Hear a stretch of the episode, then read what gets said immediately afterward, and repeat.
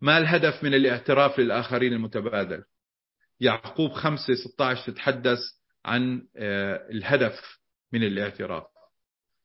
أمريض أحد بينكم فليدعوا شيوخ الكنيسة فيصلوا عليه ويدهنوه بزيت باسم الرب.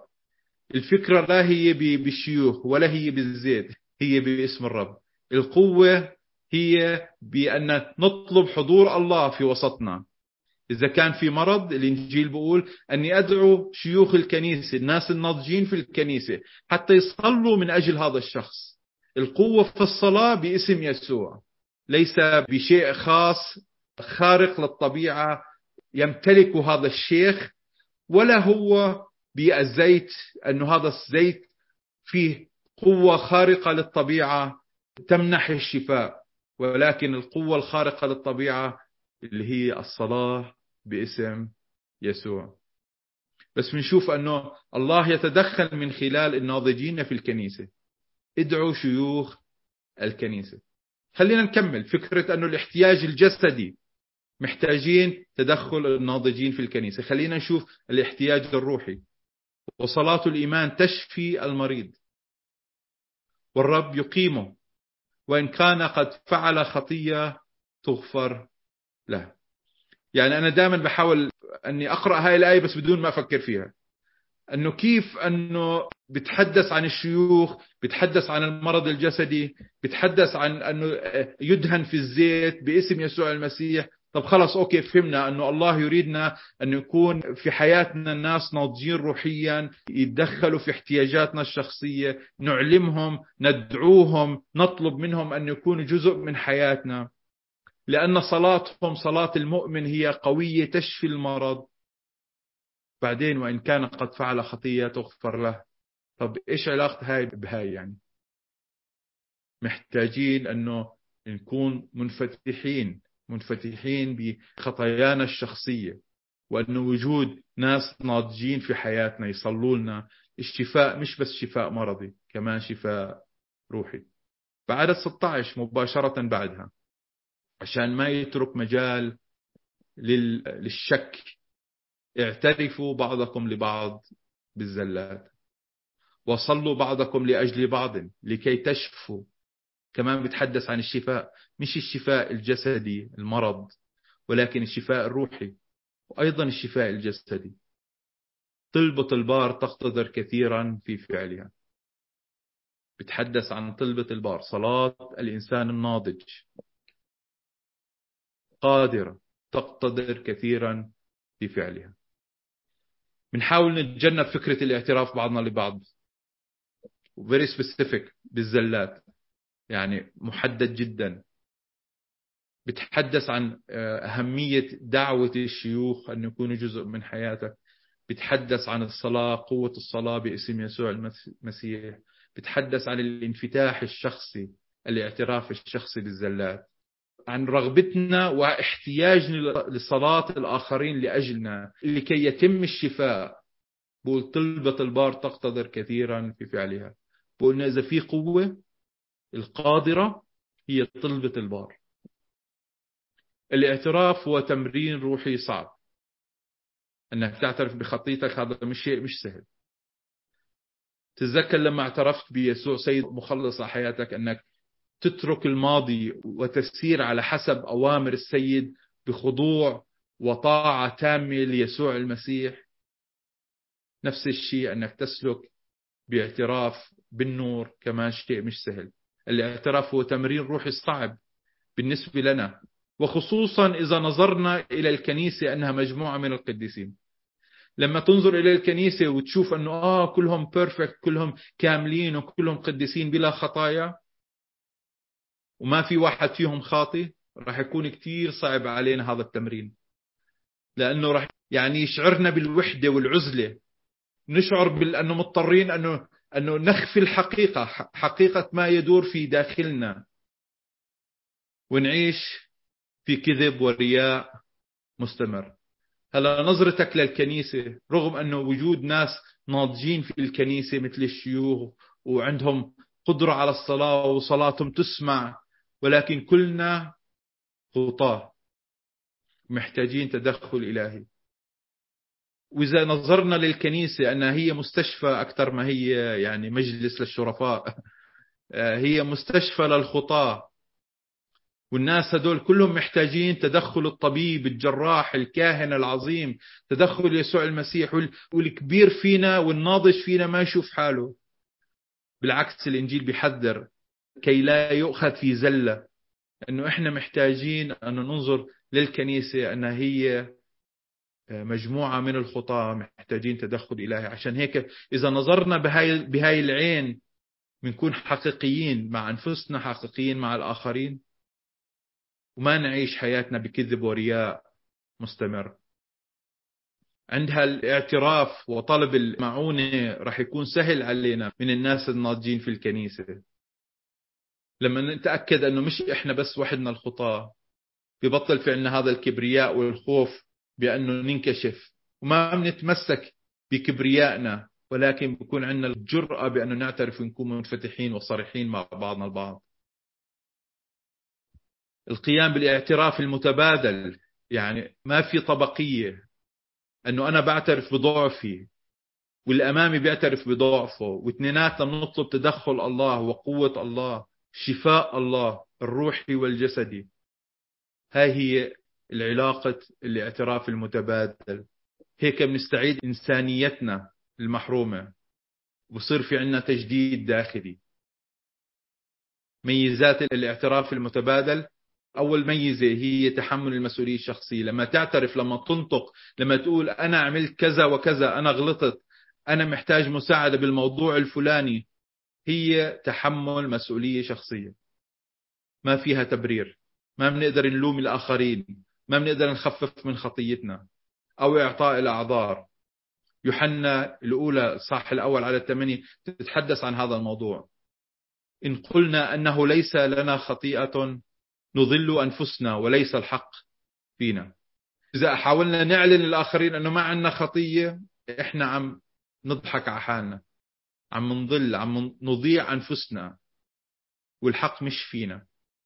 الاعتراف الملفوظ يساعد على سماع كلمات المغفرة. ليش نعترف؟ عشان نسمع أنه الله بحبك وغفر لك خطيتك. زي ما أنت نطقت واعترفت بشيء مسموع كمان محتاج أنك تسمع أنه الله بحبك وغفر لك خطيتك. وهاي الاعتراف الملفوظ وسماع كلمات المغفرة تعزز شعورنا بذلك باسم الرب يسوع. بنفس الإصحاح العددين اللي بعديه إن اعترفنا بخطايانا فهو أمين وعادل حتى يغفر لنا خطايانا ويطهرنا من كل إثم. إن اعترفنا. مشروطة. فهو أمين وعادل. يغفر لنا خطايانا. هذا وعد إلهي. قلنا إذا اعترفت الله أمين وعادل وحافظ الوعد وراح يغفر الخطية. هاي فكرة أنك تعترف وتحصل على المغفرة هاي عقيدة أساسية بالكتاب المقدس حتى بالتقديس بالنمو المسيحي وليس بالتبرير الحصول على الخلاص فقط. إن قلنا أننا لم نخطئ نجعله كاذبا. وكلمته ليست فينا. ما حدا فينا بيجرؤ بقول أنه ما عندي خطية أعترف فيها. هذا كذب. عشان هيك خلينا نكون صادقين مع أنفسنا صادقين مع الآخرين. الميزة الثالثة من الاعتراف الملفوظ الجماعي المتبادل فرصة للتأمل بخطورة الخطية وعدم الاستخفاف بتأثيرها على المسيح. إن كان لدينا القليل من الشعور بالاشمئزاز الذي يشعر به الله تجاه خطيتنا سننتقل إلى حياة أكثر قداسة. إذا فعلا شعرنا باللي بيشعر فيه الله نحو الخطية هذا الاشمئزاز هذا راح يكون محفز لنا يدفعنا سينقلنا إلى حياة أكثر قداسة. من أجل الاعتراف يمجد الله. هناك ثلاثة أشياء ضرورية.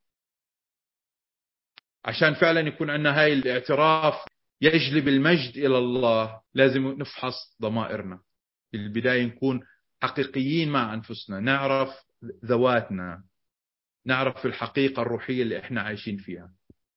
كورنثوس الأولى 11 28 إلى 29 عشان هيك بنطلب منا في كسر الخبز الأسبوعي كعادة الكنيسة الأولى أنه نمتحن أنفسنا ولكن ليمتحن الإنسان نفسه.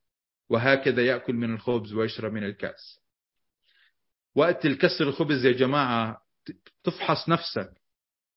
تعمل جرد روحي. وين أنت روحيا؟ وقبل ما تشارك في هذه المائدة الله بتوقع منك أنك تعترف بخطيتك له. ويكون عندك هاي الرغبة والإرادة أنك تتوب وتتغير وترضيه. لأن الذي يأكل ويشرب بدون استحقاق كيف نكون مستحقين؟ ما حدا فينا مستحق أن يشارك في مائدة الرب. إلا الذي يتعرف على ويعترف بخطيته. ويكون جدي برغبته أنه يرضي الله. ويتجنب الخطية. إذا ما كان عندك هاي النفسية أنت تأكل وتشارك في هذه المائدة بدون استحقاق. هاي نفس الشروط تنطبق على الاعتراف. لأن الذي يأكل ويشرب بدون استحقاق يأكل ويشرب دينونا لنفسه غير مميز جسد الرب. كيف بتجرؤ تشارك بمائدة كسر الخبز وانت ما عندك الرغبة الحقيقية بأنك تتوب؟ بالتأمل بالخطية نبحث عن أمور محددة بحياتنا حتى نرضي الله بتوبتنا عنها. الجزء الثاني حتى تكون الاعتراف يمجد الله يجب أن يولد حزن الذي يولد إرادة لإرضاء الله. أنا أرغب بأني أمجد الله في حياتي بدي أرضي الله. وجود ندم عميق على الإساءة لقلب الآب. موضوع موضوع إرادة لإرضاء الله رغبة بإرضاء الله. مش أنك تحزن آه أنا أخطيت وأنا حزين وأنا غلطت. مجرد عواطف لا. أنا حزين وعندي رغبة قوية لإرضاء الله. في الواقع الحزن المشاعر بدون إرادة لإرضاء الله يفسد ويبطل الاعتراف. إذا أنت جاي معترف وما عندك هاي الحزن لإرضاء الله أنت ما راح تتوب. واعترافك على الفاضي. كورنثوس الثانية تتحدث الإصحاح السابع على التسعة وعشرة عن هذا النوع من الحزن. الآن أنا أفرح لا لأنكم حزنتم بل لأنكم حزنتم للتوبة. لأنكم حزنتم بحسب مشيئة الله لكي لا تتخسروا منا في شيء. لأن الحزن الذي بحسب مشيئة الله ينشئ توبة للخلاص بلا ندامة. وأما حزن العالم فينشئ موتا. عشان هيك العامل الثاني الذي يجعل الاعتراف يمجد الله أن يكون عندنا حزن على حسب إرادة الله حزن من الداخل. العامل الثالث يكون الاعتراف ممجد لله له تصميم على التوبة والامتناع عن الخطية. نفس الإصحاح كورنثوس الثانية الإصحاح السابع على 11 لأنه هو ذا حزنكم هذا عينه بحسب مشيئة الله. كما أنشأ فيكم ينشئ فينا يحفزنا. كم أنشأ فيكم من الاجتهاد بل من الاحتجاج بل من الغيظ بل من الخوف بل من الشوق بل من الغيرة بل من الانتقام. في كل شيء أظهرتم أنفسكم أنكم أبرياء في هذا الأمر. في كل شيء تظهر نفسك أنك بريء. يا رب أنا, أنا جدي مصمم على أني أمتنع وأتوب عن خطيتي. إذا توفروا عندك هدول الثلاث عوامل فحص الضمير الحزن الذي يولد إرادة لإرضاء الله والتصميم على التوبة على الخطية يكون اعترافك يمجد الله. هناك تحذيرات وأهمية النضوج الروحي لسماع الاعترافات. يعني وأنا عم بكتب لسماع الاعترافات يعني شعرت أنه الجملة غريبة شوي على مسمعي أنه أسمع الاعتراف. بس هاي فعليا هيك. إحنا كناس ناضجين في الكنيسة كناس محتاجين أنه نكون متوفرين للناس. وكون عندنا القدوة الحسنة بنتحدث عن القدوة بعدين. أنه الناس تلجأ لنا وتشوفنا أنهم قادرين أنه نكون منفتحين معنا بدون ما يخافوا أنه إحنا رح نخذلهم وما نكون قد الثقة ونكون قادرين لحفظ الخصوصية اللي هي أهم شيء في الاعترافات سماع الاعتراف. ليس كل التلاميذ مؤهلين ومهيئين رغم أن كل التلاميذ هم كهنة من ناحية اللاهوتية. رغم أن كل التلميذ كل شخص اعتمد باسم يسوع المسيح لمغفرة الخطايا وقبل الروح القدس. هو كاهن أمام الله ولكن ليس كل تلميذ هو مؤهل ومهيئ.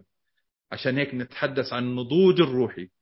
وهي مرحلة من المراحل اللي أنت يعني بعد ما نميت وتدربت وطول الزمان الله وروح الله والشراكة الروح القدس في حياتك ساعدتك أنك تصل إلى مستوى من النضوج حتى تستطيع أن تساعد الآخرين أيضا. بس مش الكل مؤهل. لازم أنك تشتغل على حالك حتى تكون مؤهل تكون قادر أنك تساعد الآخرين. التحذير الثاني هو الحفاظ على الثقة والخصوصية هو الأهم. لا يكفي أن تكون شخص متعاطف ومتفهم. يعني مرات كثير بنلجأ نحكي للشخص اللي بتعاطف معنا وبيفهمنا وبطبطب علينا وقريب منا. بس هاي مش مش مش هيك. يعني انت ما تلجأ للناس اللي بتعاطفوا معك فقط. لا الجأ للناس ذو ثقة. كمان إحدى التحذيرات عدم الإصابة بالذعر من الكشف عن خطايا معينة. يعني إذا واحد إجا وشاركك بخطية يعني ما يعني أنت كشخص ناضج ما تتفاجئ يعني ما تنذعر ما تقول واو هذا الشخص بقدرش أصلا أتعامل معاه أنا كيف أنا كيف أنا مصاحب هيك ناس؟ يعني كيف كيف أنا بسمح لواحد زي هيك يدخل بيتي؟ يعني مرات كثير بنصاب بالذعر وبنتصرف بطريقة غير غير روحية غير منطقية غير ناضجة. إذا شخص استأمن لك وفتح حياته وفتح قلبه واعترف بشغلات كبيرة ممكن غريبة عليك غريبة على مجتمعك. أنت كإنسان ناضج لازم تفكر أنه ما في شيء كبير على صليب المسيح. ما في شيء كبير على الله وعلى مغفرته وعلى رحمته. لا تصاب بالذعر المؤهلات الرئيسية هي النضوج الروحي نضوج بالحكمة والرحمة والفطرة السليمة طريقة التفكير القدرة على حفاظ على الثقة والروح الإيجابية السليمة أنك تكون شخص إيجابي. تعرف توجه الشخص آه، لخشبة الصليب لمغفرة المسيح. كيفية الاستعداد لوقت الاعتراف المتبادل. بعض الأفكار اللي لازم تكون في, في ذهنك وإنت رايح عشان عشان تحكوا بمواضيع ويكون في اعتراف متبادل. أول موضوع لازم يكون في بالك هو الصليب كافي. الصليب. الصليب قادر أن يحتوي جميع الخطايا وأفضعها. أنه مش بقوتك أنت الشخصية بقوة الصليب بقوة القيامة بدم الكاهن العظيم. مش بقوتك أنت الشخصية. الفكرة الثانية يجب أن تتحلى بأنك تفهم أنه أنت مش أحسن منه. هذا الشخص ما في حدا أحسن من حدا. كلنا أخطأنا وعوزنا مجد الله. تأخذ قرار. إيش ما سمعت؟ لن تخون الثقة. لن تخون الثقة. أنك تحافظ على سرية المعلومات. الحزن لأنه عارفين هذا الشخص جاي عم بيسكب احشائه أمامك. ودافعه هو حزن على حسب مشيئة الله. جاي بدافع روحي يحكي عن عن الأمور اللي بتجري في حياته. وأنت يجب أن تحافظ على هذه الثقة. تجنب الهيمنة الروحية.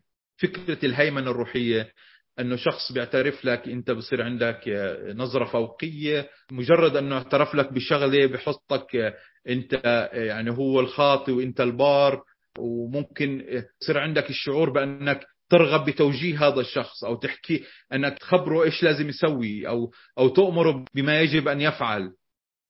تسيطر عليه وتصوبه. تجنب هذا الشيء. ما تستخدم الاعترافات ضده. هيك أنت لا يجب أن تكون شخص روحاني. وفكرة دور المرشد والمشورة والتوجيه سيتم مناقشته بدرس الإرشاد الروحي اللي هو التمرير رقم 11 يعني رح نتحدث لما تسمع هاي الاعترافات لما شخص يكون منفتح معك في حياته كيف بإمكانك توجهه وتعطيه مشورة وإرشاد. بس اليوم مش هذا موضوعنا. موضوعنا هو إيش تساوي وكيف تستعد لوقت الاعترافات المتبادلة. واجبك أنك تكون قدوة روحية أمام الناس يكون نور المسيح بشع فيك. أن الناس تشعر بالارتياح لما تجي لك. يكون عندك موهبة التمييز والحكمة أنك تصلي يا رب أعطيني أعطيني القدرة أني أميز أني أسمع أني أدقق أني أقدر أكون جزء من الشفاء الحقيقي اللي بيحتاجه هذا الشخص. الشفاء الروحي الداخلي العميق. اطلب من الله تصلي لله أنه يعطيك هذه الموهبة والتمييز.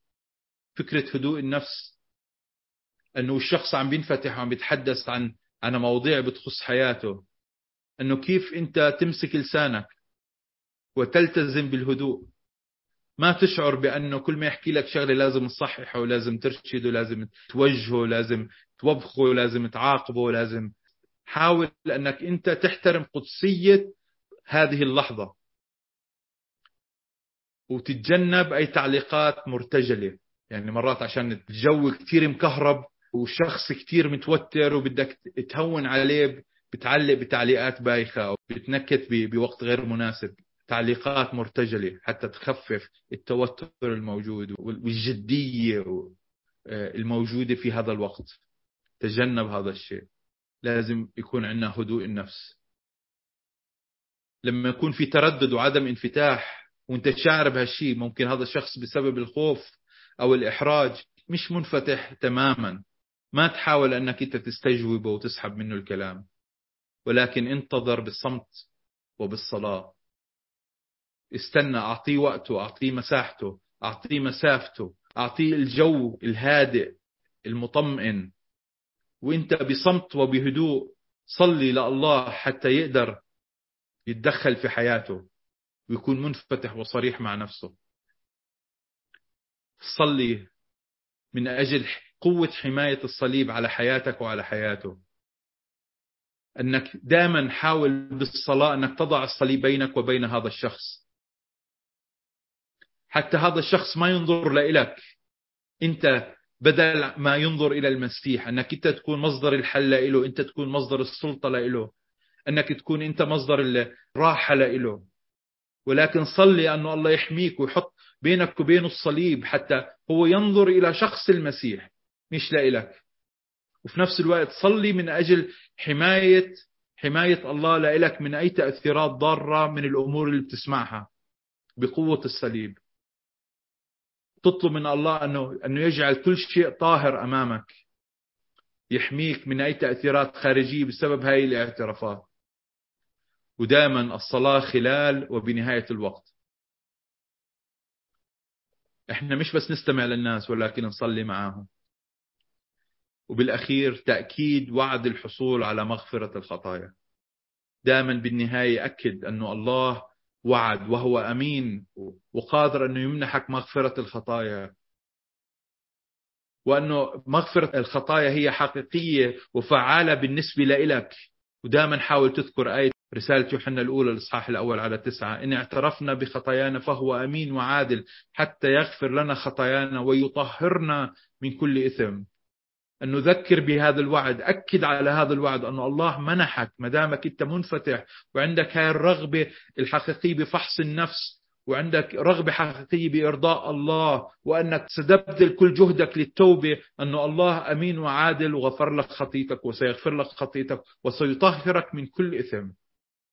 يجب تأكيد تأكيد هذا الشيء آه، أمام هذا الشخص. في النهاية رغم أنه تمرين الاعتراف ليس بالسهل ولكنه يساعد التلاميذ على النمو المسيحي النمو الروحي التقديس وينهي التظاهر الموجود تعاملاتنا.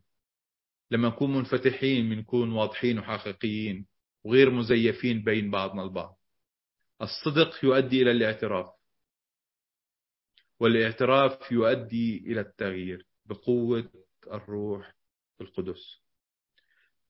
صلاتي أن تكون الكنيسة قادرة على الاعتراف بصراحة بإنسانيتها بضعفها وأنها تختبر بركة المسيح بقوة. صلاتي لإلي ولإلكم أنه يعطينا نعمة لإعادة اكتشاف أهمية وقوة تمرين الاعتراف للنمو الروحي. ربنا يبارككم. طبعا في كل درس راح يكون جزء من الدورة تمارين عملية أسئلة عملية. راح نشتغل عليها أول بأول وراح تكون موجودة على ال website على موقع مدرسة معاكم. للمهتمين يا ريت أنك تدخل إلى الدورة وتشوف إيش اللي فيه جديد. ربنا يبارككم وسلام المسيح معكم. شكرا لكم.